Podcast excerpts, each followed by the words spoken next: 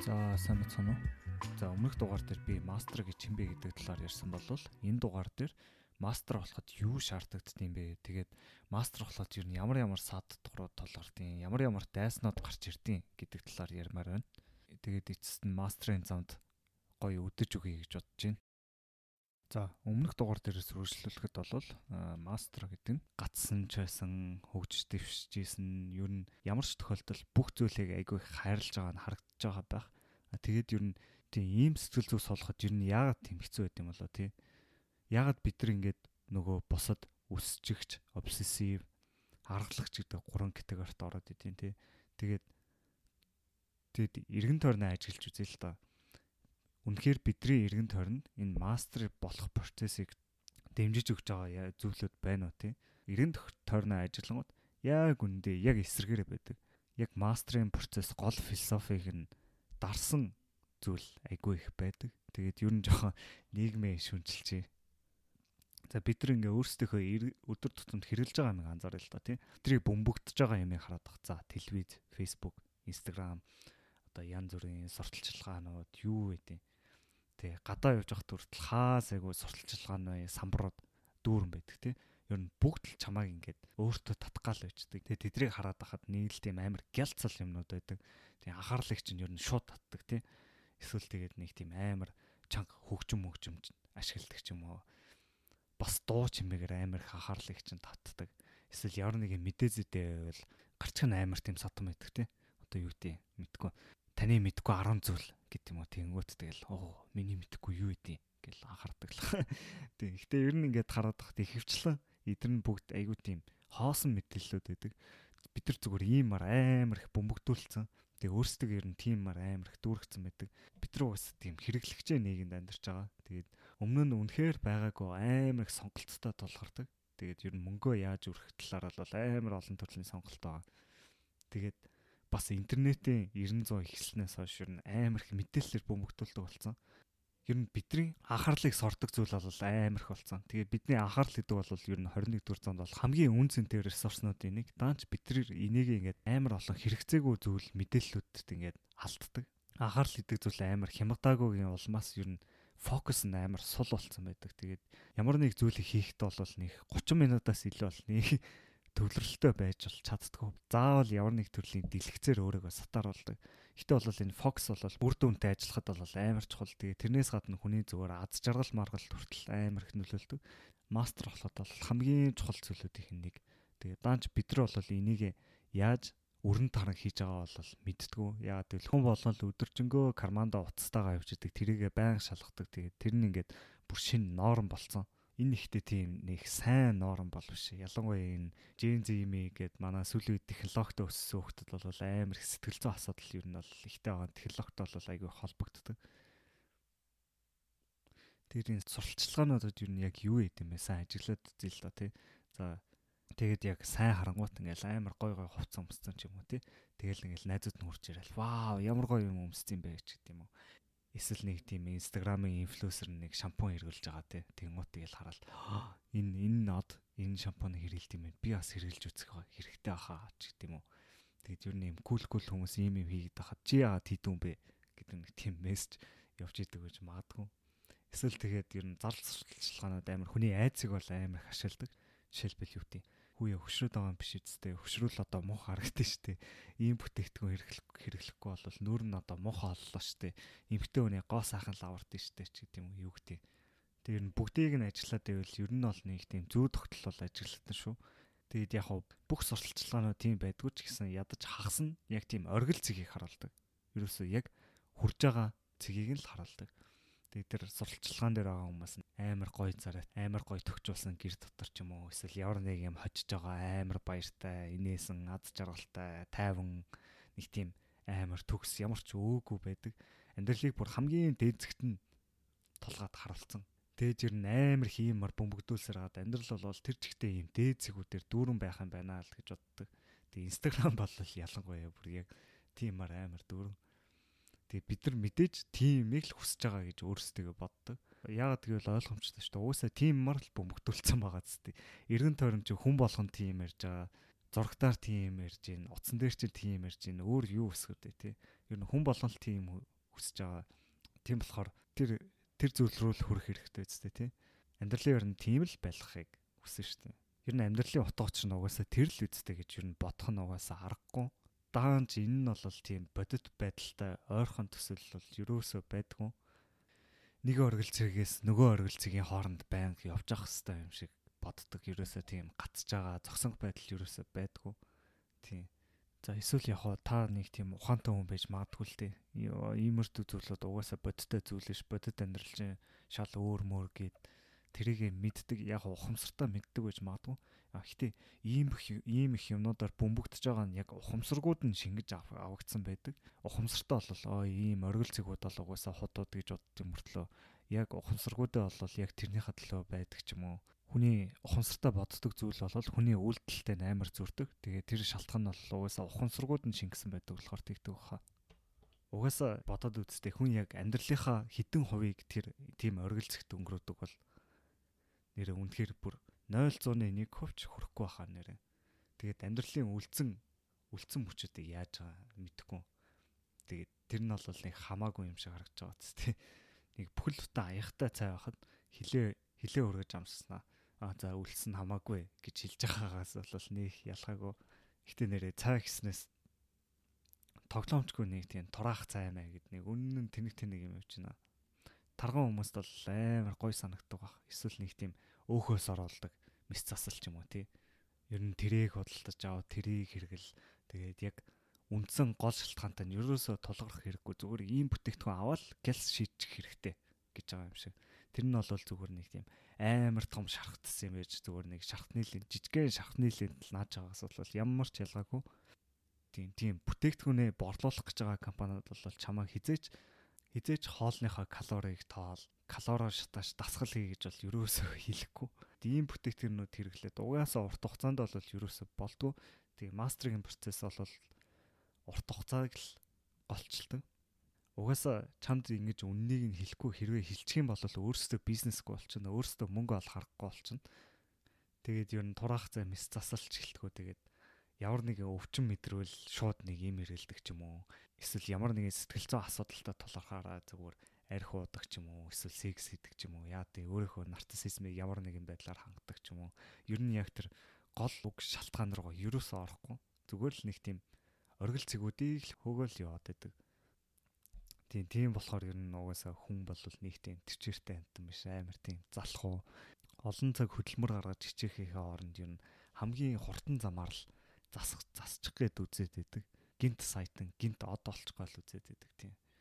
Тийм болохоор энэ хурдан засчгаад байдаг төвчээргүй зам бол одоо мастрын эсрэг сэтгэл зүй гэж бол хэлж болно. Тэгээд энэ бидний амьдрал бүр хаасайгүй байгаа нь харагддаг.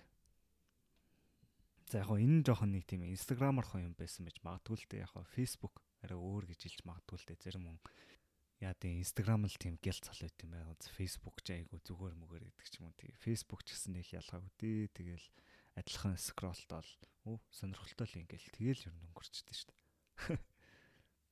За яг хаа скролтод өнгөрдөг юм аа гэхэд нэг тийм шэрлэнтэй. За нэг ухаантай юм уу нэг хөвгчлөлтэй юм бичээл шэрлж чинь тийм. Тэгэл Тэгэл тэрүүгээр ер нь хүмүүсийн анхаарлыг татахыг боддог. Тэг ер нь анхаарал анхаарал татчихлаа байл ямар нэгэн сүртэй код ч юм уу ямар нэгэн сүүлийн үеийн мэдээ эсвэл нэг тийм ямар ч хамаагүй фаны тийм хоосон мэдээлэл байж болно. Тэгээд тэг яг эцээ эц тэдэр нь бас бүгдээрээ л ер нь айгүй тийм гүйхэн байдаг. Яг мэдээж бүгдийг нь тэгж хэлэхгүй ч гэсэн ер нь баг 99% нь бол айгүй гүйхэн тийм богинохон ерөөсөө гүнзгий сурч авах зүйл байхгүй гүнзгий суур тогтоё гэсэн юм байхгүй. Зүгээр л нэг тийм салхинд хийсдэг мэдээллүүд өгдөг. Тэгээд тэдрийг нь уншлаач гэсэн хүн өөрийнхөө үйлчлэг бол угаасаа нэг өөрчлөлт өндөө. Тэгэл яг ямар хүн байсан? Яг хэвэр ерөөс юу ч өөрчлөгдөөгүй дэлгэж дэлгэц шагаасан хүн болол үлддэг. Тэгээд яг үнэндээ бүр яг хэвэрвч биш үнэндээ дордсон байдаг. Яа тэгвэл тэрнийг юмаа бүр байнгын шалгаастай. Тэгээд байнгын тэгж нэг тийм заханцсан явж идэг тэгээд өөд холгонд бол тэрнийг юмаа гаргаж ирээл шалгацдаг. Тэгэл яг гоо энэ платформуудыг нэлээд шүнжилсэн талаас ярьчлаа. Тэгээд гэтээ яхаа аргагүй үнэн зүйлтэй. Тэгээд би ч гэсэн өөрөө бас охирогч нь болол яваад байдаг. Гэтэ яг хоо тийм ч хар цагаан бол биш л дээ. Мэдээж сайн зүйлүүд бол амар их байдаг. Мэдээж одоо фэйсбүүкээр яадаг гэрийнхэнтэйгээ холбогддог зургуудыг нь хардаг. Эсвэл ингээд ямар нэгэн шүтж явдаг хүмүүсээ дагдаг ч юм уу тий. Эсвэл заримдаа бүр амар сонирхолтой юмнууд олж уншиж болдог л доо. Эсвэл зарим хүний бизнес нь бас фэйсбүүкээс үнэхээр хамааралтай байдаг тий. Жишээлбэл одоо миний подкаст бол фэйсбүүкээр хизээч та нарт хүрч чадахгүй байсан байх. Зүгээр миний хувийн бодлоор бол энэ төр бол яг утсан дээр явж идэг өдрийн туршид хэрэглэх аппликейшн бол биш ээ. Тийм надад бол зүгээр яг өдөрт өглөө оройд нэг нэг одоо нэг 5 10 минут хэрэглэж идэл хангалттай юм шиг санагдаад байдаг. Тэгээд бас дээр нь яг харж байгаа контентуудаа нэлээд ялгах хэрэгтэй. Яг үнэхээр би энэчнээс ямар нэг зүйл олж авч гинөө надад хэрэгтэй байна уу? Ямар нэг үнц нь өгч гинөө гэдгийг нь бодох хэрэгтэй байх. Ялангуяа их цаг өнгөрөөдөг бол бодох хэрэгтэй. Тэгээд хэрвээ чиний зорилго чинь ямар нэгэн зүйл сурч авах зорилготой юм бол ер нь Facebook зөв платформ мөн үү гэж бодох хэрэгтэй. Ер нь ном унших юм уу, лекц мэгц үзсэн арай дээр шүү тий. Тийм, тийм болохоор ер нь зүгээр л хэрэглээг амар анхаарах хэрэгтэй. Тэгээ өөрөө лимит тавих хэрэгтэй. Тэгээд хэрэггүй хэрэггүй юмнуудаас салах хэрэгтэй. Тэгэхгүй бол эднэр чинь ер нь амар их допамин ялгаруулдаг, амар их донтуулдаг хүчтэй төхөөрөмжүүд гэдгийг бол хүлээн зөвшөөрөх хэрэгтэй. Тэгээд яг өөрт хэрэгцээтэй байгаа бүх зүйлээ авах хэмжээнд л ашиглах хэрэгтэй гэж бол бодож байна. Тийм тэрнээс бол нэг тийм уйд холгонтой гаргаж ирээл тоглоод байдаг эсвэл нэг тийм байнгын notification ирэх болгонд нь шалгаад байдаг тийм бол биш Тэгээ энээс хамаагүй дээр хамаагүй гоё байдлаар чөлөөцөг өнгөрөх бол зөндөө боломжууд байгаа. Тийм. А тэгээд энэ дээр яагаад ингээ анхаарал хамгийн үн цэнтэй зүйл вэ? Тэгээд бид нар яагаад тийм өндөрлөлт хөдрөлтөө ажиллах нь чухал вэ гэх мэт иймэрдүү иймэрдүү талаар Cal Newport гэдэг зохиолч Deep Work гэдэг номдоо ярьдаг. А тэгээд технологийн зөв хэрэглээн дээр бас ер нь тэр санаанууд нь агуулгдсан байдаг. Тэр нь болохоор тэр нь болохоор дижитал минимализм гэдэг номон дээр ярьсан байдаг. Тэгээ эцээ эцэст бол зүгээр мастергийн замнаас л амар татаж ангаасан зүйл юм шиг санагдсан. Яг тийм тийм мастергийн бол бүр ямар ч элемент байхгүй. Тэгээд бид нар ер нь эргэн тойронд мастергийн элементийн хаанаас сурах юм бэ гэхээр гэхээр амар хэцүү л байдаг л та. Нийгмийн тэр жигтэй яг хэрэглээний нийгэм Facebook, Instagram зар сурталчилгаат гэлтгүй ер нь тэгэл амар олон зүйл байдаг л та. Тэг за яг хуу бидний хэрэгэлдэг юмнууд нь ийм байд юм биш. Яг хуу бидний амьдрал амьдрал угаасаа тэр жигтэй хэрэглээ биш болохоор бусад хэсгүүдийг нь харъя л та тий. За амьдралд ер нь өөр ямар ямар том юм байна бодъё л та тий. Бид нар ер нь сургуульд орсон цагаас эхлээл амар сайн суралцах хэрэгтэй гэж хэлүүлдэг тий яг бидний зорилго бол сайн дүн авах хэрэгтэй. Ерөөсө тэрний төлөө л байж байгаа. Сайн дүн авч ич сайн их сургуульд ортох те. Тэгж сайн их сургуульд ороод дахиад сайн дуу авах хэрэгтэй. Тэгээд дахиад сайн дуу авч ич айгүй сайн ажилд орно. Тэгээд сайн ажилчдод сайн ажилд орж ич сайн мөнгө цуглуулна. Сайн мөнгө цуглуулж ич тэрүүгээр машин байр аавна. Тэгээл яваад идэг. Тэгээд заавал тэр зүйл тэр зүйл төгжиж л тэрнэ. Тэгэл тэрний дараа тийм байгаа. Тэрний дараа нь тийм байгаа Тэгэл нэг амар том юм ирэх гээд байгаа юм шиг хүлээгээл өгдөг тий. Тэгээ хүлээгээл өгдөг хүлээгээл өгдөг. Тэгэл хөгшрөл ямар ч хөрлөгцсөн юм байхгүй. Яг үндэ зүгээр амьдралынхаа туршид өөрийнхөө хуурцсан байдаг. Тэгээ юу вэ? Гол утга учир нь ийм зэгт ийм нэг зэгт хүрэх гээд байсан биш юм уу гэж боддог. Тэгээ дуулж авах хэвээр дуу, бүжиглж авах хэвээр байсан. Бүжиг гэдгийг сүүлд нь ойлгодог. Тэгээд зорилгонууд бол мэдээж чухал Тийм үнэхээр үнтэй болол үнэхээр маргахгүй. Тэгээд зоригтой хүрэх нь бол мэдээж чухал. Гаргаж ирж байгаа бүтээгдэхүүн үр дүндээ байдгүй. Яг үндэ тэр амьдарч байгаа процесс амьдрал нь яг өөрөө байдаг. Тэгээд амьд байгаагаа мэдэрч яхад л байдаг гэж хэлнэ. Тэгээд тийм болохоор хэрвээ бид нар сайн амьдарсан бол яг мастрын процессор амьдарсан бол ихэнх нь угаасаа л нэг тийм гацанг зогсонго байдалд өнгөрөөдөг. Тэгээд сайн амьдарч чадахгүй болвол тэр гацанг цогсон байдлыг хүлээд зөвшөөрөхгүйгээр ямар нэгэн байдлаар өөрийгөө стар болдог нэг тийм дотроо байнг үсчсэн амар тайван биш эцээ эцээр зогсон байдлаасаа зүхтах гэсэн нэг тийм өөрийгөө сүрүүлсэн орлолуудаар дүүрэн байдаг. Тэрийг нь бол тэр хүсжигч, обсессив, аргалагч хүмүүс төр бол харсан байх. Тэгэд ер нь энийг сайн бодоод үзээрэй. Ер нь ингээд бидрийг ер нь өсч бодож явах үед хаана бид нартын зогсон байдрыг байдлыг харилцах талаар юу н заадаг вэ? Ер нь мастер процессын талаар хин хэлж өгдөг вэ? Гэвэл ерөөсөө хийж өгөх хүн харуулах зүйл бол нийгэмд бол үнэхээр байдгүй. Бидний эргэн тойронд байгаа зүйл угаасаа биднэрт хамгийн том нөлөөтэй байдаг. Тэгээд бидний эргэн тойронд үнэхээр тийм мастерын процессыг зааж өгч байгаа, харуулж байгаа, дэмжиж байгаа зүйл үнэхээр байна уу гэж бас өөрөөсөө асууж бодож үзээрэй гэж зүйлээ.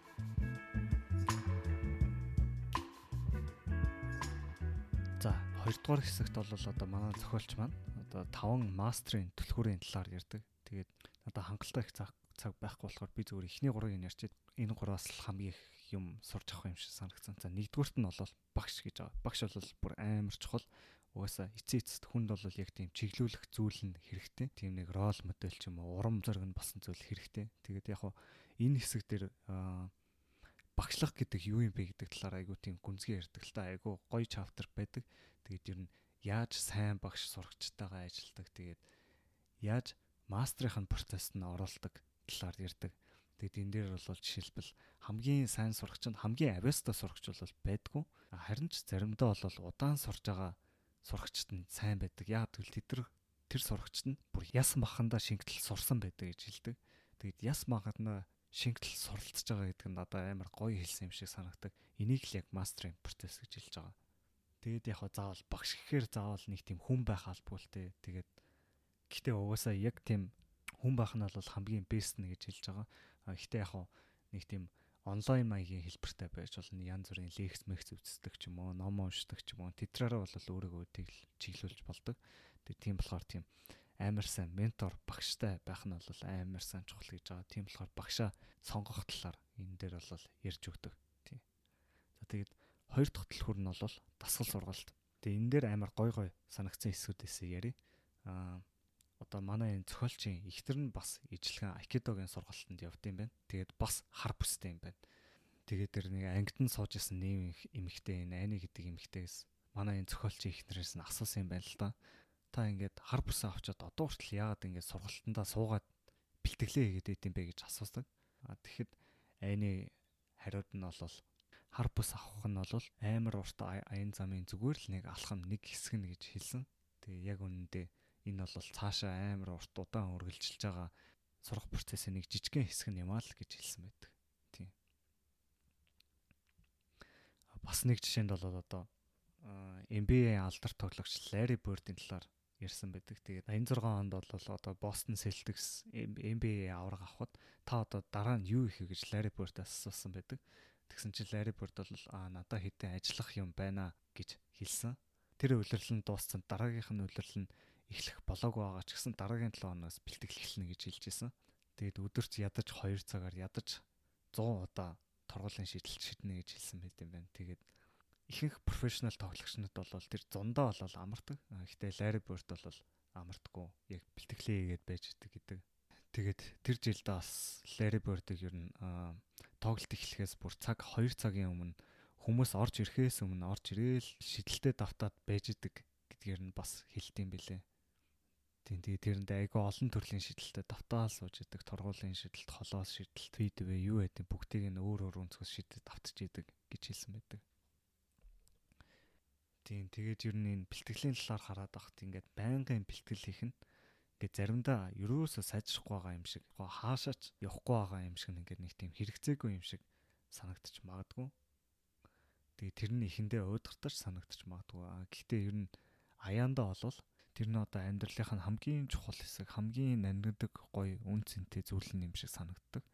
Тэгээд тэгснээрээ яг flow state-д орж эхэлдэг тий. Яг ингээд дуртай сандал дээрээ сууж байгаа юм шиг ерөөсө цаг хугацааг мэдрэхээ болчдаг. Гадаад ертөнцид юу болж байгааг хүртэл анзаархаа болчдаг. Тэгээд хамгийн гоё нь энэ өдөр болгон чамд байж идэг. Маргааш хүртэл чамд байж идэг. Ерөөсө хизээч алга болтгүй гэж хэлсэн байдаг. Тэгээд манай зохиолч бас манд бас нэг сурагч асууж ирсэн юм л да. Багшаа ингээд ер нь Акидогийн мастер болоход хэр уддсан бэ гэж асуусан. Тэгэхэд бол манай багш хариуд нь чи хэр удаа амьдрах юм бэ гэж хариулсан байдаг. Тэгээд тэр нь хамгийн зөв хариулт гэж өөрөө инээж хэлж илээ л дээ. Тэгээд эцээ эцэст бол угсаа бэлтгэл гэдэг нь л өөрөө мастрын аян зам гэж хэлдэг. Тэгээд энэ зам дээр хангалттай удаан байх юм бол энэ бэлтгэлийнхаа газрыг хичнээн сайтай муутай хэцүү амархан өдрүүд эсвэл янз бүрийн сюрприз нүүд эсвэл урам хугаралт амар их байсан ч гэсэн айгүй сайхан газар гэдгийг олж мэднэ гэж хэлдэг. Тэгээд энэ замаар алхаж хахад мэдээж олон удаа хөхөрж шархтана. Тэгээ биенч гимтэнд гэлтгүй ер нь оюун санаа сүнс эгонд нь хүртэл тийм гимтэх хөхрөх зүйлүүд зөндөө гардаг. А харин ч бүр хөхрөлт өвдөлт энэ төр өөрийг нь улам хүчтэй болгож өгч байгаа болохоор тэтрээгээ бүр амар хайрлна. Яаж ч унсан байсан. Аяанда босч ирээл буцаа бэлтгэлээ өргөжлүүлж хийдэг. Бэлтгэл хийн гэдэг нь ерөөсөө л амьдралын хэм маяг гэж хэлсэн надад амар гоё санагдсан. За 3 дахь төлхөр ойлголт нь surrender гэсэн ойлголт байгаа. Яг хөө энийг орчуулбал бууж өгөх гэж орчуулж магадгүй. Гэхдээ бууж өгөх гэхээс илүү өөрийгөө бүрэн дүүрэн өгөх гэсэн утгатай. Тэгээ нөгөө нэг аава наа эзэндээ ч хэдэдэг та баг тэрэн шиг л.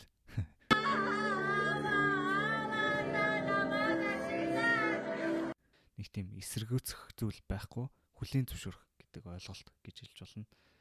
Тэгээд энэ дээр бол багштай боолт хийж байгаа. Аа тэгээд өөрийнх нь тэр салбарын сахилга бат юу шаардж байгаа тэр бүхэнд нь буулт хийхийг хэлж байгаа. Тийм. Тэр бүхэнд тэр бүхнийг нь хүлээн зөвшөөрөхийг хэлж байгаа. Яа тэгвэл амар олон удаагийн нэг тийм уйдгартай сонирхолгүй нэг тийм үндсэн хөдөлгөөнүүдээ л байнга татаад идэг тиймэрхүү юм байдаг. Жишээлбэл бол хөгжимд бол бүх мажор скейл, минор скейлүүдээ ер нь хэдэн 100 мянган удаа давтдаг нь бол харагддаг. Тэгэд ихэнх хүмүүст бол энэ нь бол амар их уйдгартай санагдаг. Тэгээд энэ зохиолчийн маань хэлж байгаа бол энэ уйдгар төрж байгаагийнх нь гол шалтгаан бол хүн заавал тийм шинэлэг зүйл хайж байгаа обсессив хайлтаас нь болдог.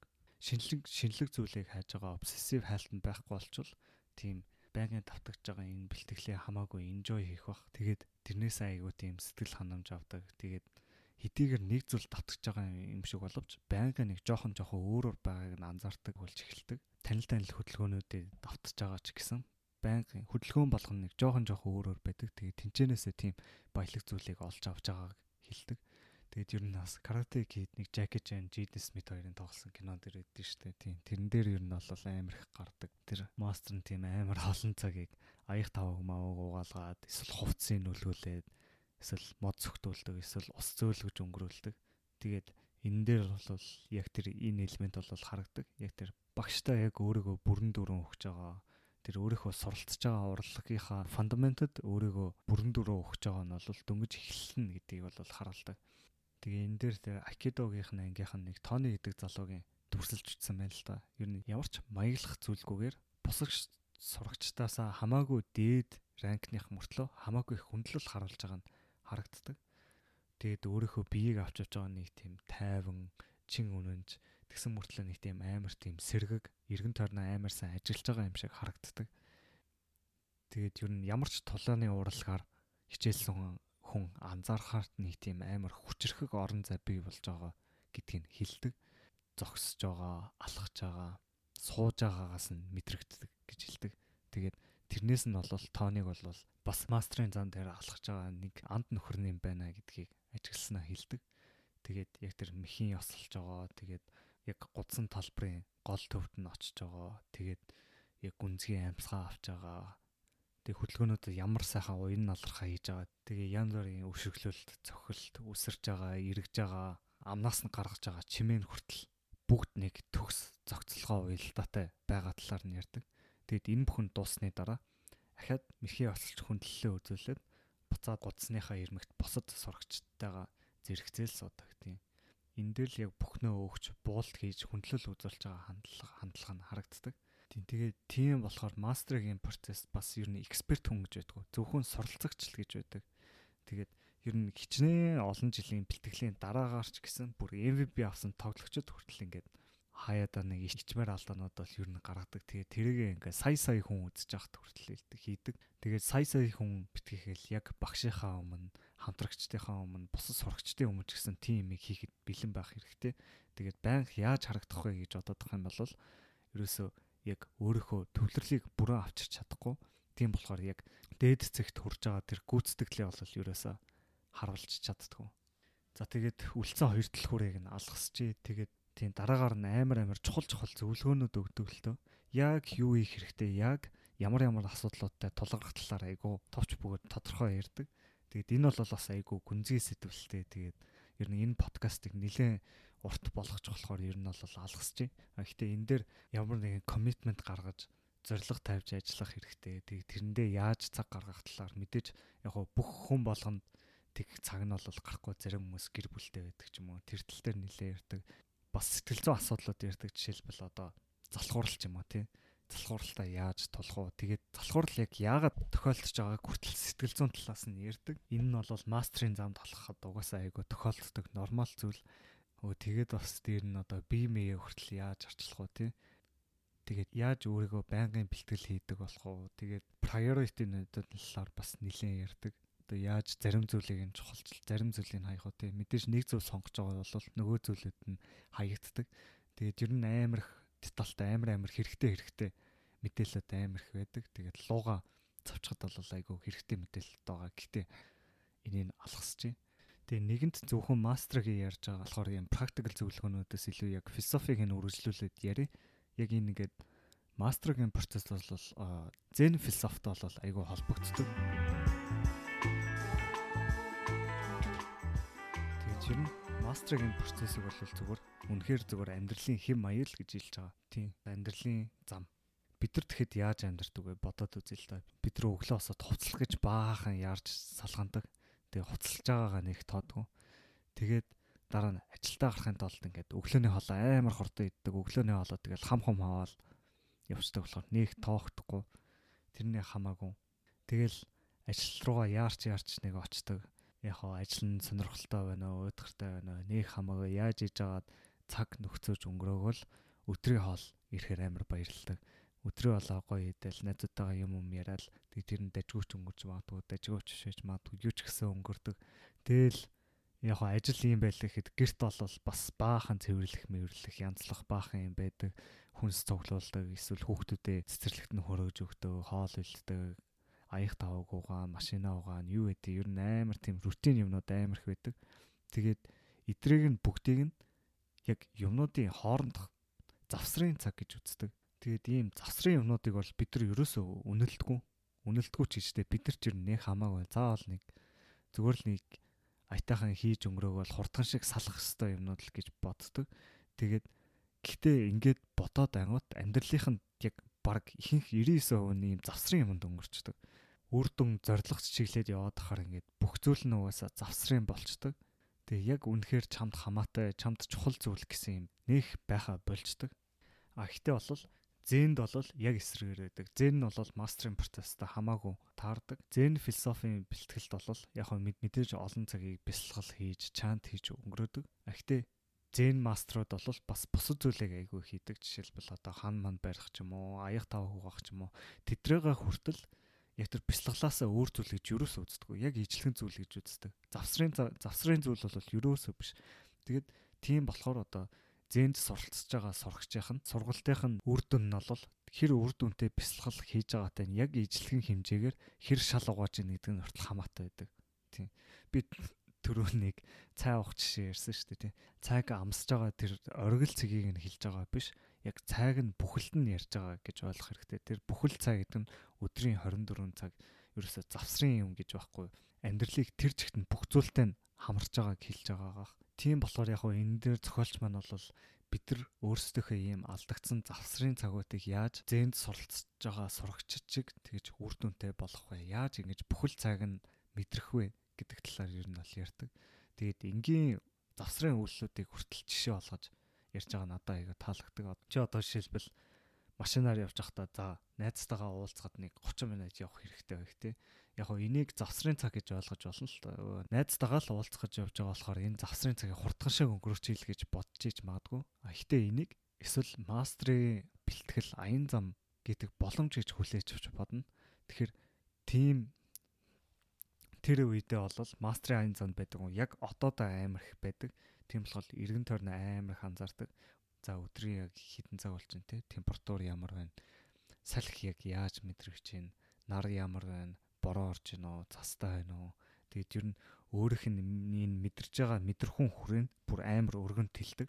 Тэгээд тэрнээсээ айгүй их таашаал авдаг. Тийм тийм энгийн зүйлээсээ хүртэл амар их таашаал авдаг. Тэр нь зөвхөн материалын ертөнцийн ч гэлтгүй ер нь зөвхөн оюун санааны түвшинд хүртэл тэгж тэлж болдог.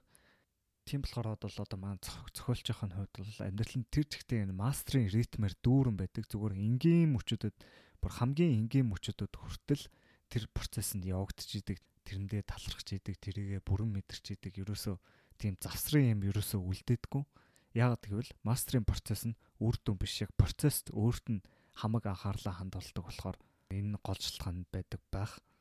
Тэгэд энэ нь бол бидний нийгэмд боддог зүйлээс шал эсрэг нь л дээ. Нийгэмд бол ингээл ийш тийшээ очих байгаа цагаа бол завсрын ямар ч хэрэггүй юм гэж үлдээж магадгүй. Гэхдээ мастер хүн бол энэ процессыг бусад процесстэй ерөөсөө ялгаж салахгүй яг ижлэхэн хэмжээнд хайрлаж дадуулж байгаа нь энэ ч харагдаж байгаа ах. Тийм.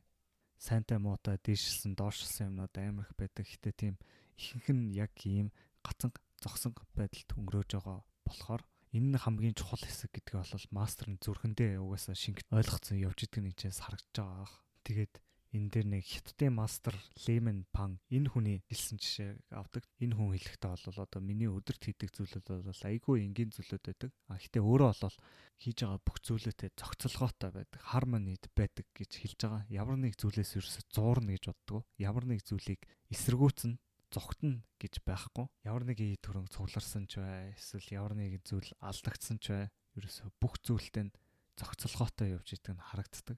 Ус зөөсөн ч гэсэн, мод сүгдсэн ч гэсэн ерөөсөө ялгаагүй байдаг. Энэ дээр яг тэр ямар ч завсрын юм байхгүй гэдэг нь үнэхээр харагддаг. Тэгээд хийж байгаа үйл хөдлөл бүр нь авч явж байгаа сэтгэл зүй бүр нь яг бүгд тийм уялдалгаатай. Тэгээд энэ мастрын аян замд л энэ бүхэн яг нэгдэж бий болж байгааг харуулдаг. За тэгээд ингэж ер нь подкастынхаа төгсгөлд ер нь бол төхөж ирж байна. Ер нь ном нь яаж төгсгдөг шиг би бас подкастаа энэ дараах мессежээр төгсгий гэж бодож байна. Ингэж асуусан байдаг л та маань зохиолч бас нэг хүн надад хэлээч ер нь би яаж суралцагч байх вэ гэж асуусан байдаг. Энэ яг хаа мастер болох талаар ярьж байгаа. Аа тэгээд энэ үед нь бол маань зохиолч маань яагаад ч юм оо эн чи ерөөсөө амар энгийн зөвчтэй суралцагч байна гэдэг нь ерөөсөө тэнэг байхад л бэлэн байх хэрэгтэй гэж хэлдэг. Тэгэд яг хоо энд тэнэг байх гэдгээр бол нэг тийм тэнэг юу ч боддгоо хүнийг бол хэлээгүй. А гэтээ яг нойлын тоо шиг яг нэг бүх зүйл урган гарч ирдэг тийм нэг хов хоосон нэг тийм жирэмсэн хов хоосон ч юм уу. Тэгээд энэ дээр яг жишээ авах та нэг мастер ингээд нэг аяганд ингээд цай хийж ижлээ. Тэгээд ингээд цай хийгээл хийж иж байгаа дүүрсэн ч гэсэн ингээд дээр нь хийгээлээдэг. Тэнгуут угаасаа цай маань асгардаг. Тэгэд энүүгээрээ юу хэлж байгаа гэхээр хэрвээ чамд шин юм сурах суралцах орон зай байхгүй бол ингээд угаасаа асгараал байна гэж хэлж байгааг хэлдэг. Тэгээ тийм болохоор бас ер нь залуу хүмүүс заримдаа хөшөө хүмүүсээс амар юмыг хурдан сурдаг те. Эсвэл хүүхдүүд ялангуяа юмыг амар хурдан сурцсан байдаг нь харагддаг баг. Тэгээд энүүгээр яг хуу жоох хүүхдэд бол юм суралцахад угаасаа бэлэн байдаг. Тэнэг харагдаад бэлэн байдаг. Гэхдээ хүн томроод ирэхээр тийм байха болчдөг гэсэн санаа байж магадгүй. Бид нар өөрсдөө хараад тахт ер нь тэнэг харагдахгүй байхын тулд ичгүүртэй байдалд орохгүй тулд ер нь шин юм туршихаас л айгүйх айдаг. Тэгээд тэг хитрхээ жоохон хөвч шиг харагдаж магадгүй гэдгээс амар хайдаг баг л та. А гэтээ энийг бол аяг муу гэж үздэг. Одоо Эбрахам Маслоу гэдэг сэтгэл судлаачийн судалснаар бол тийм жоохон хүчиг шин чанар амар чухал гэж хэлсэн байдаг. Тэгээд амар өндөр потенциалтай хүмүүс тийм жоохон хүчиг шин чанар нь байнга байж байгаа талаар ярьдаг. Тэгээд Модерт юм уу Эйнштейн шиг хүмүүс бол ийм тэнэг харахаар харагдах байдлыг бол бид нар зүгээр л оо эднэр чи угаасаа сууд хүмүүс зүгээр л сууд хүмүүс байдаг энгийн зүйл байна гэж инээгээд өнгөрч магадгүй. Гэхдээ бид нар найзууд дээр өөрсдөө бол ерөөсөө тийм боломжийг өгдөг. Тийм болохоор ихэнх хүмүүс өөрсдөө мастрын аян замд гарахад өөрийгөө бариад байдаг, тэнэг харагдахаас айгаад байдаг, алдхаас айгаад байдаг, анхлан суралцагч шиг харагдахаас айгаад байдаг. Тэгээд төсөлт нь ийм нэг амар гой өгүүлэл л та. Жигоро Кано гэдэг одоо нэг жудогийн нэг үндэслэгч нэлээд хөшин хүн нас барах нэлээд төгчээсэн юм байна л та. Тэгээд тэр хүн ингээд үххийнхаа өмнө сурагчтайгаа зуглуулад тэгээд ер нь би цагаан бүстэйгээ оршуулгадмаар байна гэж хэлсэн байдаг. Цагаан бүс нь бол хамгийн анхан шатны бүс байдаг. Тэгээ энэ бол амар сэтгэл хөдлөмөр бүр ингээд дэлхийн давцанд хамгийн өндөр ирэмттэй ийм жуудооч хүн өөрийгөө анхан шатны суралцагч гэж бэлэгдээд оршуулгадахыг хүсэж байгаа нь бүр үнэхээр гой санагдсан. Тэгээд амар сайн гаршсан амар мундаг ийм хүн байлаач гэсэн дандаа л нэг тийм анхан шатны суралцагч юм шиг ангидаа орж ирээд ер нь тэнэг харагдахаас юусоо зайлс хийдгүү анхан шатных гэдгээ хүлэн зөвшөөрч өөрийгөө сайжруулж юм сурж авахд байнга тийм үлсэглэн байгаа байдал нь харагдаж байгаа байх. Одоо ийм болохоор мастрын зам харгуугаар алхмаар байгаа хүн бүрд одоо тэр аян замдаа хичнээн хол хол явсан бай. Энэ Жигоро Кано гэдэг хүн биднэрт шин сорилтыг байнга сануулж идэг. Энэ та цагаан бүсээ зүүхэд бэлэн үү? А тэгээд энэ дугаар таалагдсан бол 2 3 дугаар дугаар таалагдчих магадгүй. Энэ дээр одоо хүний тэр мастрын зам алхаж яхад толгордог эсэргүүцлийн талаар ярьдаг. А тэгээ 9 дугаар дугаар дээр Ничегийн зовлон харах өнцөг, тэгээд 11 дугаар дугаар дээр Stoicism ярьсан байгаа. Энэ хоёр бас ер нь сэтгэл зүгээр нэлээд хатуу бэлтэж өгөх боломжтой байхаа. Тийм, Зентэй холбоотойгоор 18 дугаар дугаараас Лаоцгийн Дао Дэ Чинийг ярьсан байгаа. Тэгээд тэр бас нэлээд Зен талын философиг нь илүү ойлгох байхаа. За энэ дугаар таалагдсан бол лайк дараарай, subscribe хийгээрэй. Тэгээд мастерын талаар юу гэж бодсон сэтгэлээ бас хуваалцаарай. Надад айгүй сонирхолтой байна. Бас босод хүмүүст хэрэгтэй дугаар гэж бодсон байвал шеэр хийгээрэй. Тэгээд энэ бүхэн намайг цаашдаа подкастаа хийхэд амар том туслалцаа дэмжлэг болж өгд юм шүү. Баярлалаа.